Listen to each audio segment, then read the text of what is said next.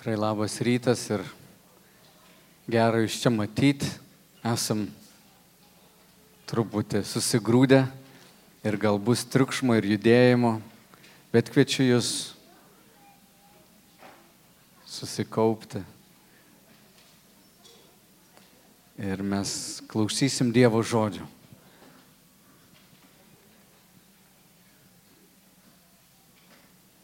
Ir po to mes dalyvausim komunijoje. Iš tiesų sveikinu visus ir jeigu jūs pirmą kartą miesto bažnyčia irgi labai džiaugiamės, kad jūs esate čia. Mums čia irgi naujas ir sugrįžimas į tą salę, kurioje kažkada rinkdavomės.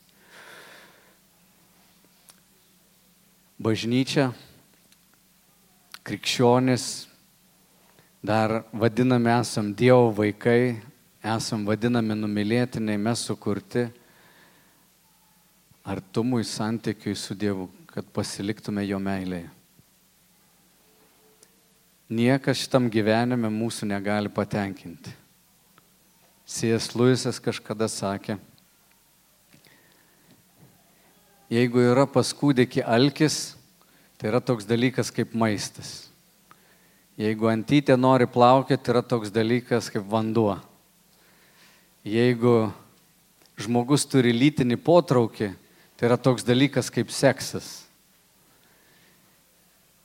Bet jeigu žmogaus sieloje yra troškimas, kurio nieks negali išpildyti, troškimas nemirti, troškimas būti mylimu, troškimas būti priimtu, troškimas būti negėdintu, ir niekas, niekas šitoj žemė negali į tą poreikį atsakyti, tai galbūt mes esam sukurti kitam pasauliui. Ir krikščionis mes suprantam, kad šitoj žemėje būdami mes esam tarsi tokioj treniruotėje arba kelionės pradžioj, kad pažintume savo gyvenimą.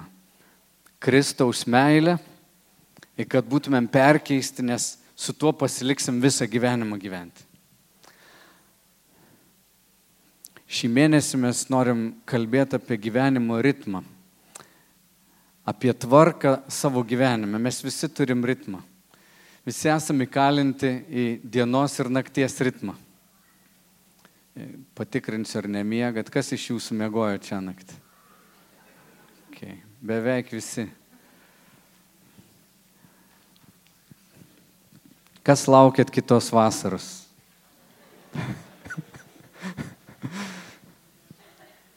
Yra žiema, yra vasara. Mes dar Lietuvoje turim į pavasarį ir rudenį. Prieš du metus turėjom penkis lapkričio mėnesius iš eilės. Prasidėjo lapkričio mėnesį, baigė kažkada ten gegužės. Yra tam tikras ritmas, kurį Dievas sudėjo, mes visi gyvenam tam ritme. Mes valgom,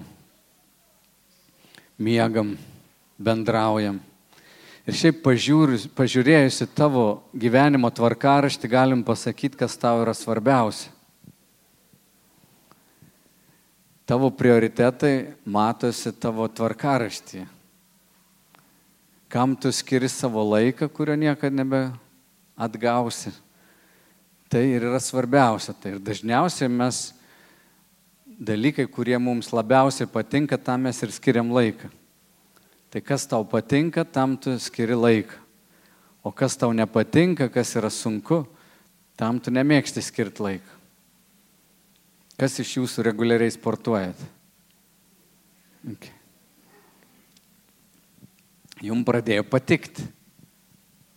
Bet jeigu tik pradedi, be galo sunku. Jeigu tik pradedi kažkur mankštintis, to ten viskas skauda, nieko nežinai, vis neįpratęs, yra daug diskomforto. Ir panašiai dvasiniam gyvenime, kai mes pradedam sekti viešpačių, mums kai kurie dalykai kelia diskomfortą. Pavyzdžiui, malda. Išbūti maldoje ilgesnį laiką sunku, nes nemoki susikaupti. Nežinai tiksliai, su kuo tu kalbi. Dar nepažįsti Dievo gerai, nesiskaitęs Biblijos, Tu nežinai, ar Dievas labai geras, ar jis blogas. pasikliauji kažką, ką girdėjai, ką kiti sakė, bet asmeniškai nepažįsti. Ir pradžia tokia sunki yra. Pradžioje labai sunku. Bet mes pašaukti įeiti į tokią būseną, kad mūsų gyvenime Dievas pripildytų visas sritis. Viską. Ir jis taptų mūsų gyvenimo epicentru.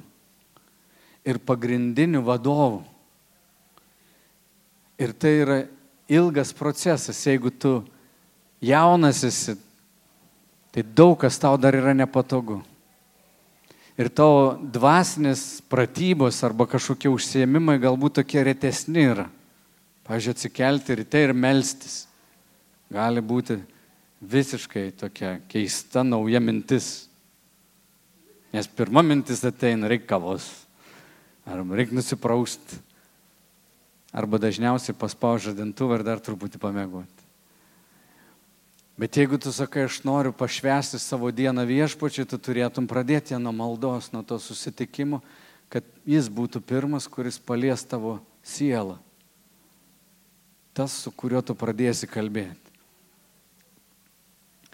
Ir mes esam sukurti tai bendrystėj su juo, pasilikti jame.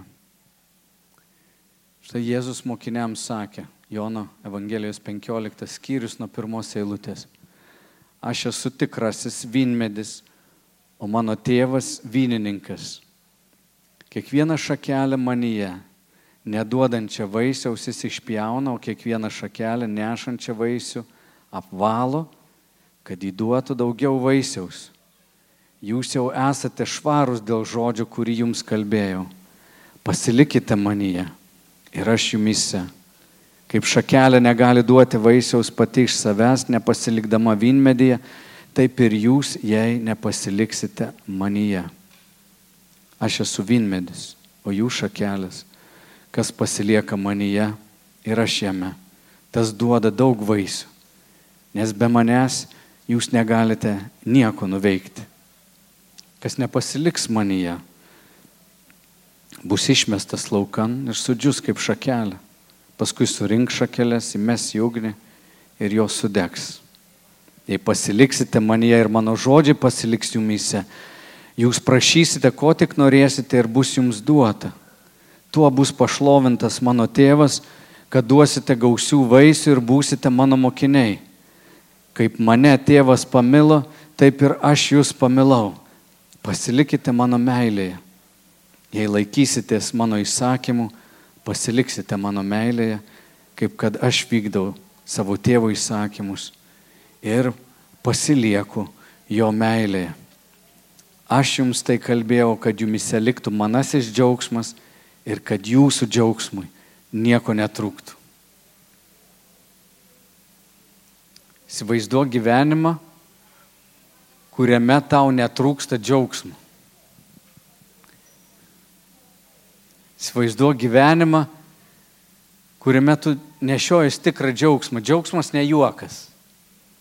Tai ne tas pats kaip iš anegdoto pasijok. Džiaugsmas tai yra vidinė būsena susijusi tokia ramybė, gilių pasitenkinimu ir lengvų žvilgsnių į gyvenimą.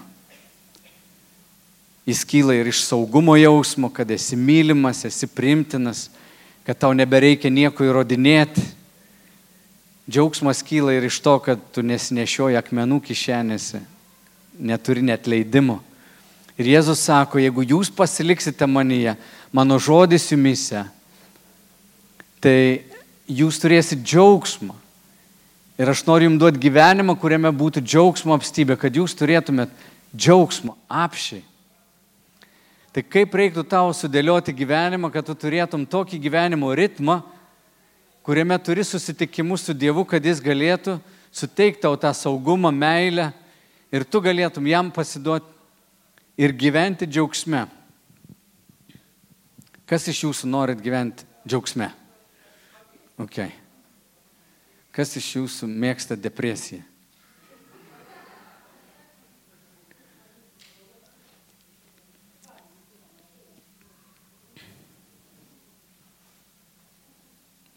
Liudesys, kuris gali tapti džiaugsmu. Kai vaikas randa mamą, jam saugu. Mes sukurti tokiam santykiui su Dievu, kad mes nuolat, kai esam kažkokiose bėdose, mums reikia atrasti tą saugumo uostą, tą apsikabinimą, tą buvimą. Ir iš tikrųjų tik Dievas gali mums tai duoti. Gal skamba taip keistai, bet kartai žmogus užtrunka 30, 40, 50 metų, kad suprastų, jam to reikia. Labai dažnai mes nesikeičiam, kol mums nepasidaro bloga.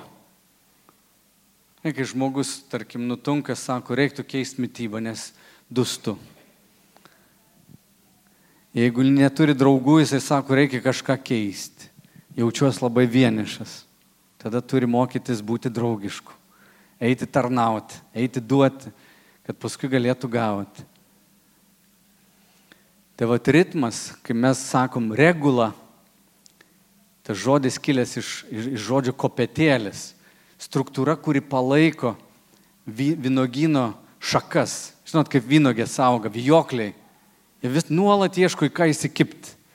Tavo mano siela irgi taip ieško, kokia, kur rasti įsikipti kažką. Ir va, čia yra mūsų dalis. Dievo dalis yra mūsų nuraminti, pripildyti ir perkeisti iš vidaus, kaip ir mes gėdojam. Aš pasitikiu tai tuo, ką tu darai many.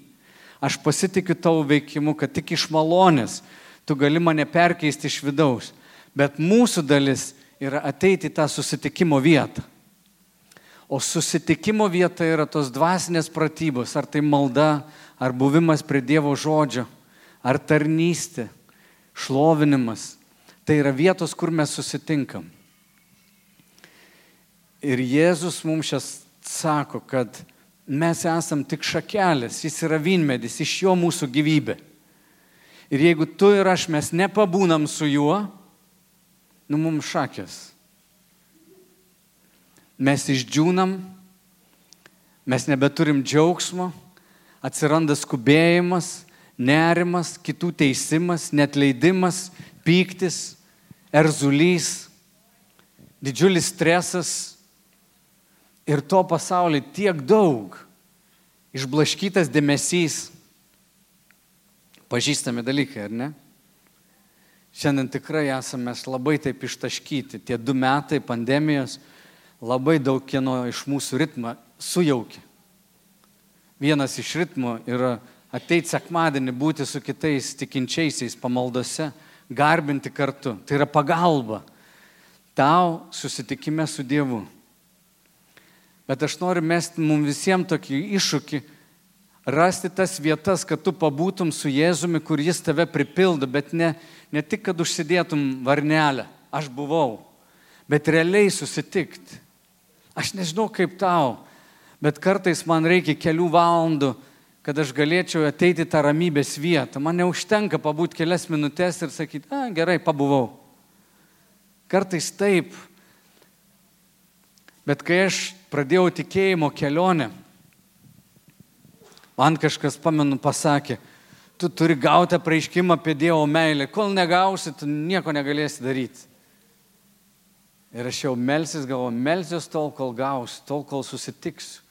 Užsidariau duris ir nesvarbu, kiek valandų praeis, aš turiu gauti. Aš noriu susitikti, aš noriu ten būti, aš noriu jį ragauti. Aš asmeniškai, ne per, ne per kitus, ne per internetą, ne, ne, ne per pamokslą kokį, ne per kažką. Aš noriu ragauti viešpaties. Ir mes pašaukti visi būti vedami Dievo dvasios. Jeigu tu neturi tų įpročių, aš tave raginu susiras žmogų, kuris yra maldingas, įsikabink į jį, sakyk, kad galiu su tam pasimelsti. Arba tu už mane melskis. Bet tai yra mums kvietimas ateit pas jį. Aš pastebiu, žmonės pasiekia kokį dugną, koks nors verslas ten subyra. Jis sako, buvo apleidęs ir tą ir aną, trečią, ketvirtą dalyką. Grįžta pas viešpatį, pradeda melsis ir nieks nesikeičia pirmą savaitę. Arba pirmus du mėnesius. Bet jeigu jie išlieka, ir toliau meldžiasi, tai Dievas per savo dvasia pradeda kažką daryti. Žmogaus širdis jinai alksta, jisai to, toliau trokšta. Ir kai jis ištrokšta Dievo, ateina pas jį, Dievas jį pripildo. Čia paslaptis, slėpinys. Kaip priversti žmogų mylėti Dievą? Kaip padaryti, kad, kad tavo ir mano širdis ilgėtųsi Dievo ir mylėtų jį? Kaip tau atrodo, ką reiktų padaryti? Kokiu geriausiu būdu būtų galim padaryti, kad tu pamiltum jį labiau?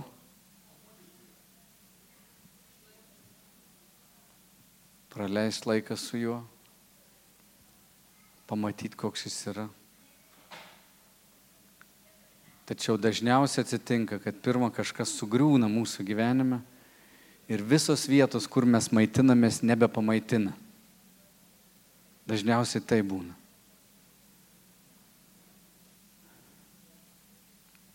Ir šitos krizės, ačiū Dievui už jas. Kai ištinka krizė, kai tavęs niekas nebepamaitina. Labai dažnai Dievas patraukia kažkokias tai malonės iš žmogaus gyvenimo, kad žmogus pradėtų jo ieškoti. Nes kitu atveju mes esam gundomi nuolat maitintis ne tuo, kas pamaitina. Daiktais, žmonėmis, kažko materialiu, ką galim pačiupinėti. O dvasinė kelionė, jinai mus veda į tokį bankrotą, kur mums reikia tik jo. Noriu pailustruoti ir užbaigsiu šitą pamokslą iš Jeremijo 29 skyriaus.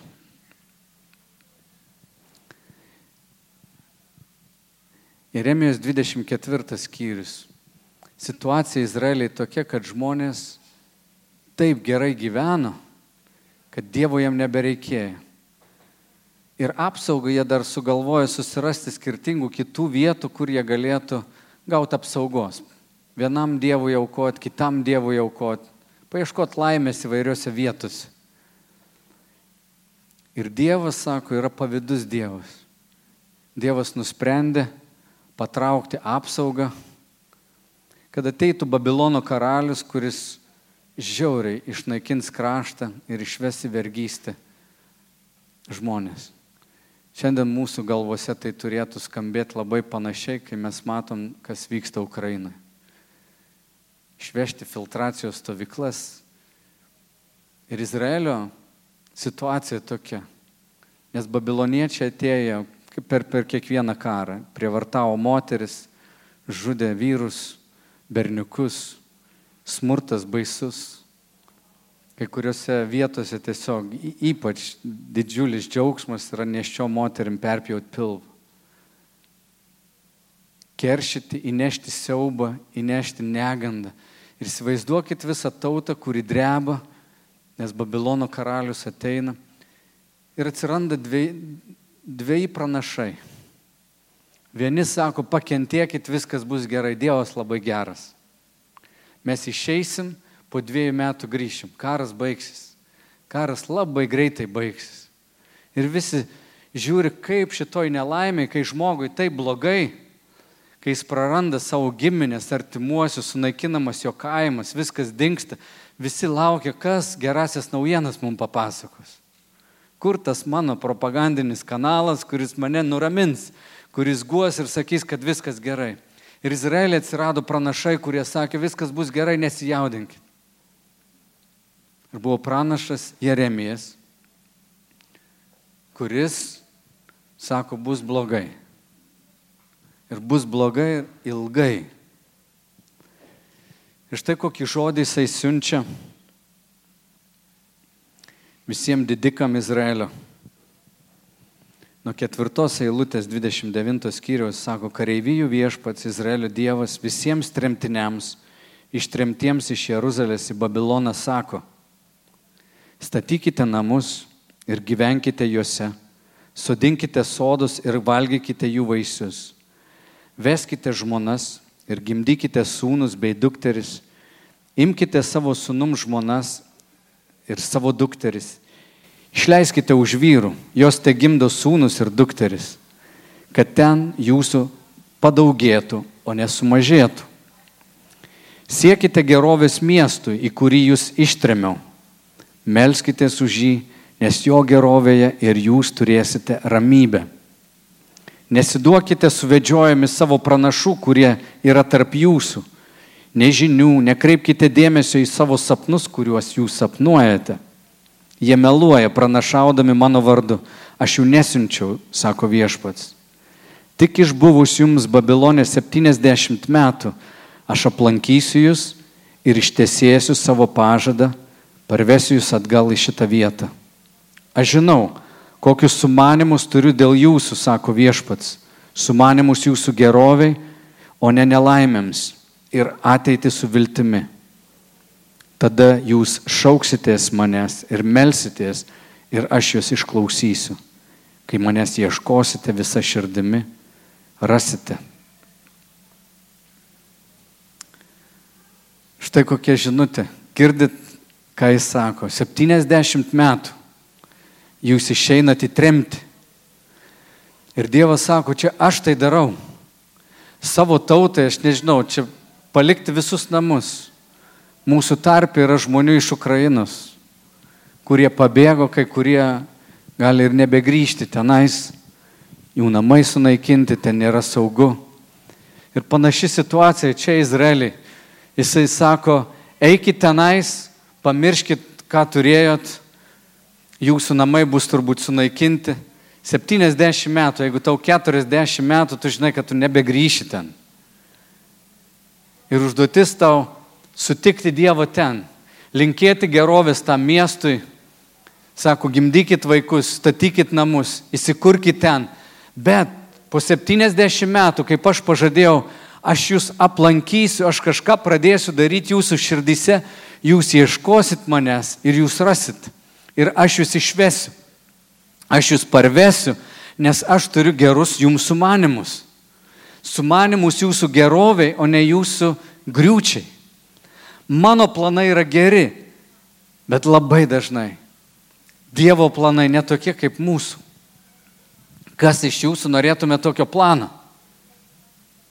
Kas iš jūsų 50 metų norėtumėte išgirsti tokią gerą naujieną?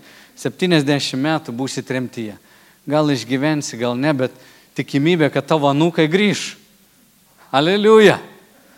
Garbė Dievui. Ačiū Dievui, kad jis prakalba. Aš nemanau, kad kažkas džiaugiasi. Jeremijas buvo už visas tas pranašystės įmestas į duobę, į šaltą vandenį. Prasme, jis kentėjo, vadinamas raudų pranašas, jis tik raudojo raudojo. Bet žinojo, kad Dievas yra geras. Šitie žodžiai kažkaip tikiu, kad Dievas juos man įspaudė į širdį, mąstant apie mus, kur mes esam. Mes nežinom, kaip karas baigsis Ukrainoje. Mes tikimės pergalės. Mes nežinom, kiek pandemijų dar turėsim. Mes nežinom, kaip atrodys mūsų gyvenimas ryt po ryt.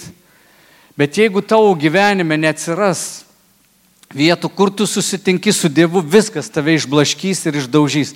Ir žinai, kas baisiausia, štai ką šventoji dvasia nori mums pasakyti. Būk atsargus dėl savo sapnų ir netikrų pranašų. Nes netikrų pranašų atsiras, kurie kalbės tai, kas tau patinka. Net tavo paties širdis nori girdėti tai, ką jį nori girdėti. Kartai žmogus taip susižavi kažko, sako, aš tiesiog šito noriu ir man nusispjaut. Aš darysiu taip. Nežinau, ar Dievas už ar ne, bet greičiausiai geras Dievas, tiek nori to, ko aš noriu. Kam yra tai buvę? Manau visiems. Aš manau visiems. Kai tu užsigeidi kažko, aš norėčiau būti toks, aš norėčiau gyventi ten, aš norėčiau ištekėti už to, aš norėčiau uždirbti tiek, aš norėčiau padaryti tą, aš norėčiau tą ir aną ir trečią ir ketvirtą. Ir va šitoj vietoje aš ką noriu pasakyti, kad mes turim būti labai atsargus kaip Dievo žmonės. Jeigu tu jaunas, kabinkis į vyresnius, prisijung prie triados, prie grupelės, kur tu susitiktum, galėtum būti Dievo akivaizdu ir kiti žmonės galėtų tau kalbėti ties, ties apie tavo gyvenimą. Nepasilik vienas. Nes tavo ir mano gyvenime visada atsiras pranašai, kurie pasiūlys tau trumpesnį kelią. Kurie pasiūlys tau lengvesnį kelią. Kurie pasiūlys tau gyventi patogiai. Bet vaisiai nebus geri. O Dievo kelias, ką aš pastebėjau, yra geras. Jo dovanas yra geras. Jo keliai nuostabus. Jo keliai, ne mūsų keliai. Jo mintis, ne mūsų mintis. Jis kitaip masto. Jis kitaip mato. Pasikitokią perspektyvą. Ir aš neduodu jums daug praktinių dalykų, kaip pradėti statyti, pavyzdžiui, savo gyvenimo tvarką, regulą. Esu apie tai nemažai kalbėjęs, bet kiti gal niekad negirdėjot. Manau, apie tai pakalbėsim ir daugiau, praktiškai. Bet norisi pasėti vieną mintį. Kad jeigu tavo gyvenimas nėra įsišaknyjęs Kristuje Jėzuje ir tu neragauji džiaugsmo ir jo ramybės, Tau reikia kažką keisti. Nes jo malonės darbas vyksta tose susitikimuose, tame buvime. Ir aš toks dėkingas už visas sausras, už visas tremtis ir visus skausmus, kuriuos esu turėjęs savo gyvenime. Nes kiekviena sausra atvedė mane prie tikrojo šaltinio. Kiekvienas, kiekviena nelaimė, kažkoks išdžiuvimas sužadino manie norą būti arčiau jo. O atėjus ten, supratau, išgirdau, pamačiau, kad jo teisumas yra mums dovanotas per Kristų Jėzų. Kad jis mūsų laukia, kad jis mus myli. Ir jo artume yra džiaugsmo pilnatvė. Ir užbaigiu štai tą mintim, kad dėl tų susitikimų tau ir man reikia pakovoti. Reikia pakovoti. Tavo širdis, tavo kūnas norės patogiai sėdėti. Jūs žinot kartais, tu sėdi su pulteliu įsijungti Netflixą tau ar pasimelsti, esat buvę toje vietoje. Tai jeigu da mintis atėjo, kad reiktų melsis, tai čia jau, uh, jau yra čia. Kitam tokia mintis net, net neužkliūna, taip kaip skrenda ir praskrenda. Bet aš tau garantuoju, kad šventoji dvasia, kai jinai tave pažadins, nepraleistų galimybių, kartais net atsibusi ketvirtą ryto, dvasia gali sakyti, eik melsis, sakau, nesąmonė. Bet dar svarbiau, kad tu pasikliautum juo ir pakovotum ir rastum vietas susitikti su juo. Kad įeitum į tokį ritmą, kuriame pagrindinį taktą viešpats duoda. O kitu atveju rizikuojam sudžiūti, neduoti vaisiaus, nugyventi savo, būti išmesti ir sudegti niekam nelinkiu. Šventoji dvasia mes melčiam, palaimink, pašventink šitą žodį. Labiausiai viešpatie mes prašom ir šaukėmės tavęs, kad tu sužadintum mumise naują ritmą. Tu pakviestum mus į susitikimus, būti su tavimi Mes kviečiam tave šventoji dvasia į mūsų gyvenimą. Pabūkim dar keletą minučių tyloje prieš viešpatį. Jis yra gerasis vynininkas, kuris nori nukirpti tavo gyvenime šakeles, kurios neduoda vaisiaus. Tai reiškia, atsisakyti vieno dalyko, kad išauktų kažkas naujo. Šakelės, kurios tik siurbia tavo energiją, tavo dėmesį, kurie įkvoja tavo gyvybę, gyvenimą, kad ji būtų patraukta, o vietoj jos tame laikė atsirastų kiti dalykai.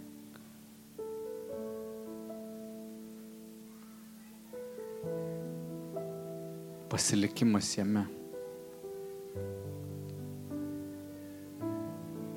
Maldauk viešpaties, kad jis nukirptų tai, kas turi būti nukirpta. Karštai prašyk, ieškok jo. Kad būtų nupjauta tai, kas turi būti nupjauta. Iš didelės meilės.